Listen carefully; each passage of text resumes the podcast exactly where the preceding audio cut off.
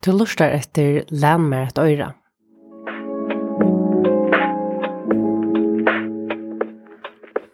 Om du skal løysa 2022 vi einom året, hvert år vel du så?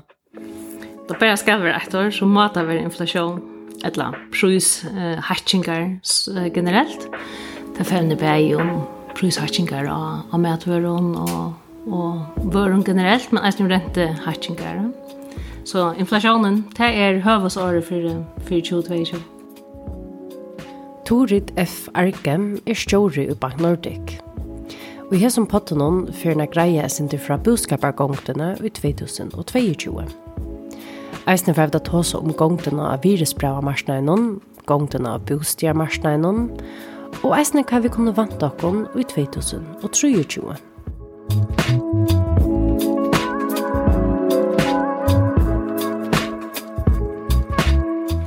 2022 er særlig rar på nekva matar, og det som er kanskje sinte løye, det er, om um, um, til man høyre i milen, så er det ofta mer, det er mer negative søvnar om prisvøkster og anna. Men som henger etter boskapargongene, så generelt, så er støvan faktisk rettelig jævlig rundt omkring, bæge i Europa og i USA, og jeg synes vi sitter etter eh, tattar på okkon, um, til en boskapar ehm um, eisne, altså som halt, det her enn här som mestjer boskapene. Man har ikke sett boskapar i attergångene, eller hese en ehm um, selv om man vantar at her fyrir i ui boskapargångene, tar rentan hakkar at, at, at, att man skal få at boskaparvøksten skal 12 og, og och kanske man fyrir en resesjon. Men man ser det igen och og generellt generelt er Ehm Fyrtøkker er halt af fram vi gjør uilever generelt, da man hikker etter tølen og bæg for Europa og USA. Så tog stender sindru i ansøkn til det som hun fyllt i milen og kanskje eisen til det som man ser av reaksjonen av futjamarsknaden, at, at budskapene er sjukkje enn ut til å heva det helt ok, sjalt om det er nøkker mysk skudg som jeg kom tatt der på, og nægger indikatorer på at jeg på et eller annet tidspunkt ferdig venta. Tala nok eisen om en reaksjonstyp av kramata. Hvis det hender noen ting, så kan man først sutja avlengene av sin settene. Ja, med landa til dømes at vi, vi budskapar vøkster, så er det eisen, en metode som strekker seg ut hui, så sjølvmås er teket hui er sutja om til er framhaldende budskapar eller vøkster, og eller om, om man, man ser en attergångt, eller en av beina sina restriktioner, så det er en spørning ja, om man tenker tega tog det for å virkna.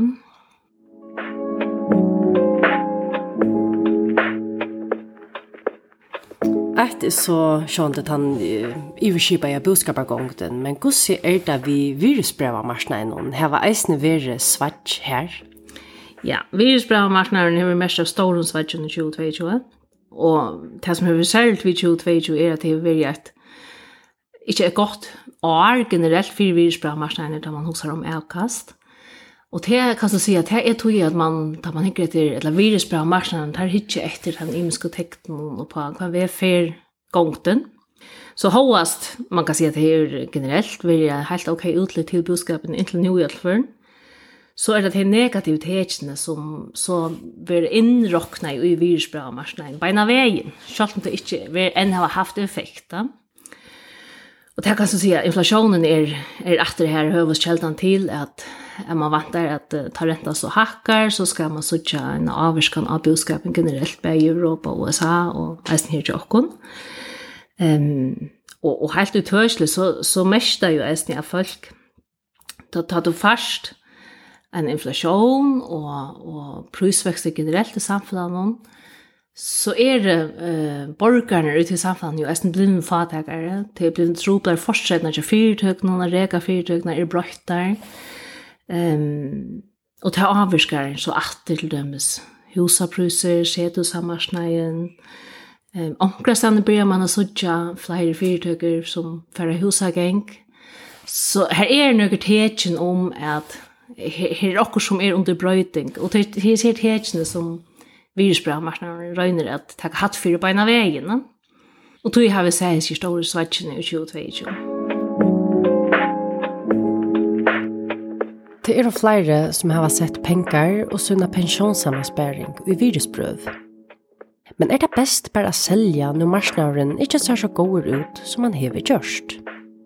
Så vil jeg se svetsja marsnavren. Det har han alltid gjort. Og det er en parster av tog å sette sine penger i virusprøv. Søvja seg har virusprøv er alltid i et langere tog jeg skal gjøre for å klare seg bedre. Det vil si at du først et avkast som er bedre enn av pengene innestandende. Da man har et, et avvist tog jeg skal man ikke rett. Og si at år som i år, det er vi særlig på nekva mater til det bæger avvirka parstabrøv og landsprøv. Ofte er det ta det gonga över trublar i passabröv så gonga bättre till landspröven till att inte säga jag är så på tammadan över 22 var det särskilt der. Um, men det er pura vanligt at man hever år in i middelen her avkastet er lagre enn mye avkastet er i et långt tøyerskei. Så det gode rådet det er at hvis du hever et lengt tøyerskei, og det hever du som oftast hvis du er, hvis du er pensionsmittlar, hvis du er det vet ikke, 30-40 år, så skal du ikke bruke de pengene før du skal fra vekna alder av arbeidsmarsneinen. Og ta plia alle disse svetsene jeg vil utlukne ja, i vi tog. Um, så et, et fall, et eller tvei år vi kjeljen, ursliton, eller negativen uh, avkastet av dina oppsperring, det er vi søvja seg helt for en innhenta atter av noen gående åren etterfylgjende.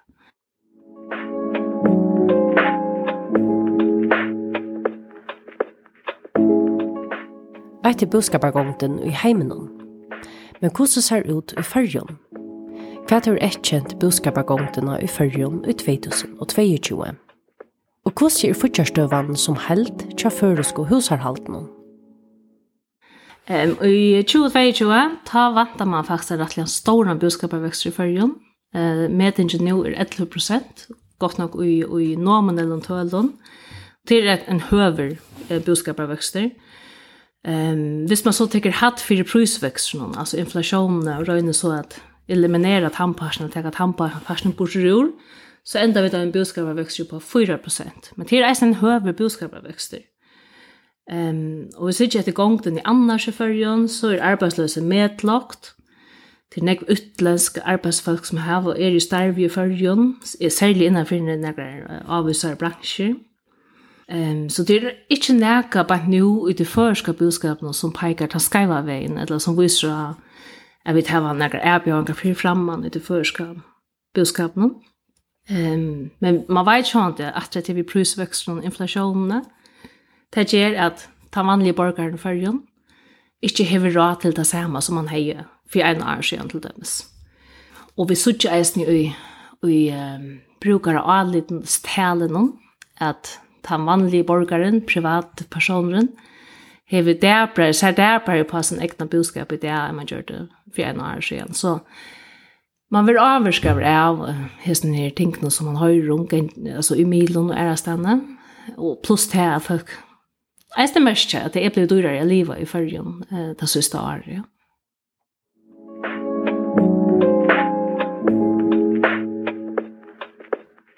Du har inne i Janne tror du heter vi inflasjonene, och vi tar seg øye hur inflasjon och hva hur räntor i 2022. Här var hevrendan hur inflationen och hur räntorna blir lykke hva i følgen som i London rundt om akkurat? Ja, i noen ja. Rentan i den förska pengastånden hun följt rentene til de danske tjåbankarna som så att det följt rentene til de europeiske midbankarna og i akkurat av samman lutfallet behøver ikke å være et eller annet eh alla i jökna hesa chetna men här är en sammanhänger så på tamma att han vera vid till följen avviska i rätt stö i förrjun avviska att han bröt inte som hänt han i Danmark och i Europa.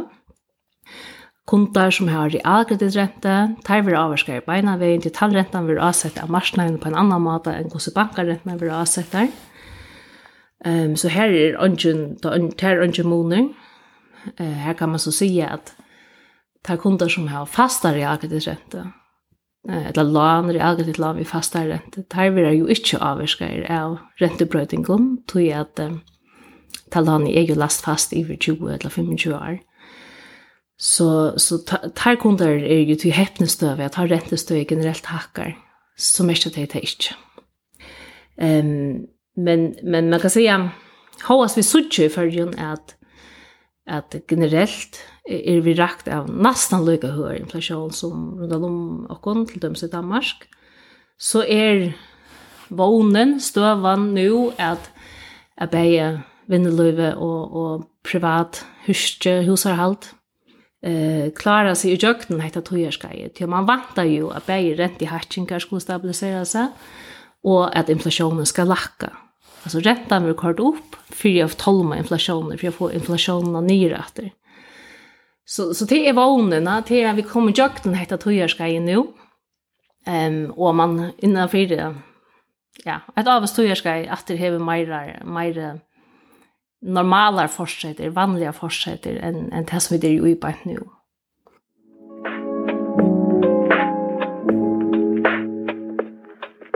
føreske husarhalde som held om hikker sås iverskip etter tølen hever det faktisk godt. Um, hvis vi tykker etter hakktølen så så skilda vi ikke sånn nekve fyrjun. Et mial husky fyrjun skilda minne enn et mial husky til dømes i Danmark. Eh, det siste tøyene er oppsperringene av vaksne generelt, så man hever meir at, um, at heke av hvis nu tar prusen i hakka. Så på tammadan er fortsatt når nok så goar som hoksar om mot huskyr som har skuld at at uh, her er vi kanskje bedre fyrir enn man er i omkring av grannalanden og tjakon. Da man henker iverskip et tøl, så ser det ut av vi til følgen er jo en har jeg gått ukenstøy fyrir um, en av sånne um, mer overvisere fremtid som vi nok ikke inn i. Um, Og vi fylgja jo eisen vi mot okkara kundar, um, og vi sutja ikkje nekker tekin om enn av kundarnir hava troplar vi har få endanir a rekka saman. Til dømes er det ikkje flere som bia om skoar, og det er ikkje flere som bia om uh, løftråd eller anna tøya kontan fyrir, eller tog man hever trobult til dømes vi har få endanir a rekka saman hver måned. Så, så vi sutja ikkje enn at at i akkurat tølen at akkurat kontar har hatt trobult. Men atter, her må man Eisen minnes til at her er jo folk som framan undan, her er jo husarhalt som framan undan høtte inte til stor inntøkna, og til framan undan kanskje høtte trobult jo for enda når jeg Ehm Um, og det er så sjåan til har rakt ta inflasjonen hakkar som jeg som man gjør, det er mest av en av veien. Men da vi tar det iverskipet av perspektivet, så er det ikke en erbjørn som vi sitter mot lakkere kontor.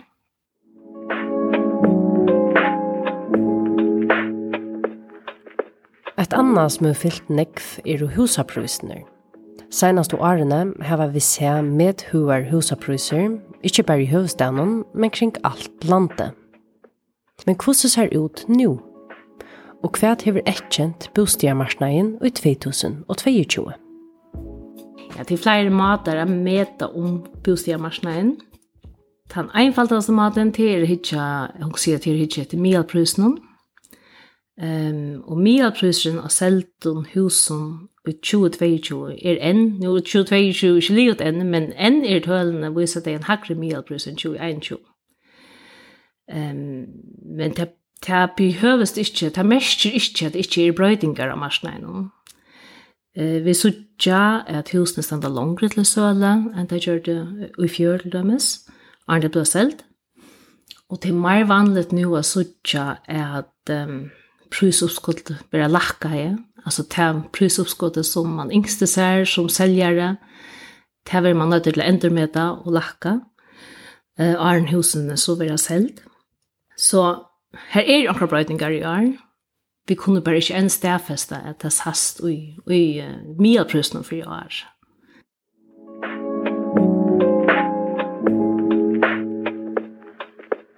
Og så til senest, 2023. Kvært for at jeg kjenner boskapen i 2023. Det som man vantar, det er jo at uh, det, nu tar rentene i hakkajer, det er hakkajer noe som jeg får i år og på noe som stort av tog at så skal det avvirka boskapagongtene. Um, en hakre renta mest jo at uh, Jeg kjøper privatkonton, det var dyrere jeg lana penger, jeg fyrtøkken, det var dyrere jeg lana til at jeg ulever og anna.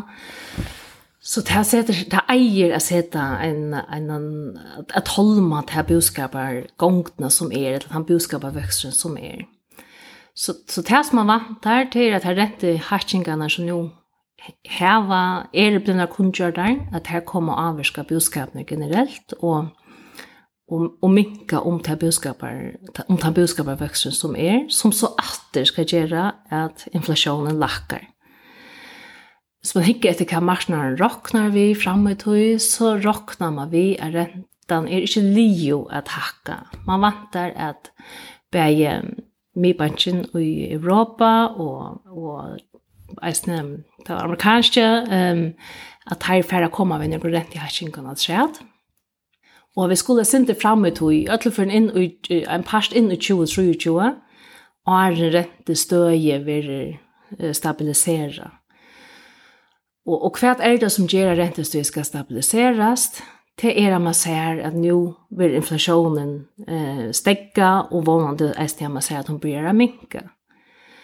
Ehm ett annat som så ärsne avskar det är ju men kvosse teker budskapen så i Moses så är vi så jag vid budskapen för vi alltså budskapen växer minkar eller så jag vid en en möjlig återgång en recession ut ut hem London som vill avskar av oss. Men med bankarna tar uppgåva är att hålla med inflationen och tar an på till att göra det till är räntan.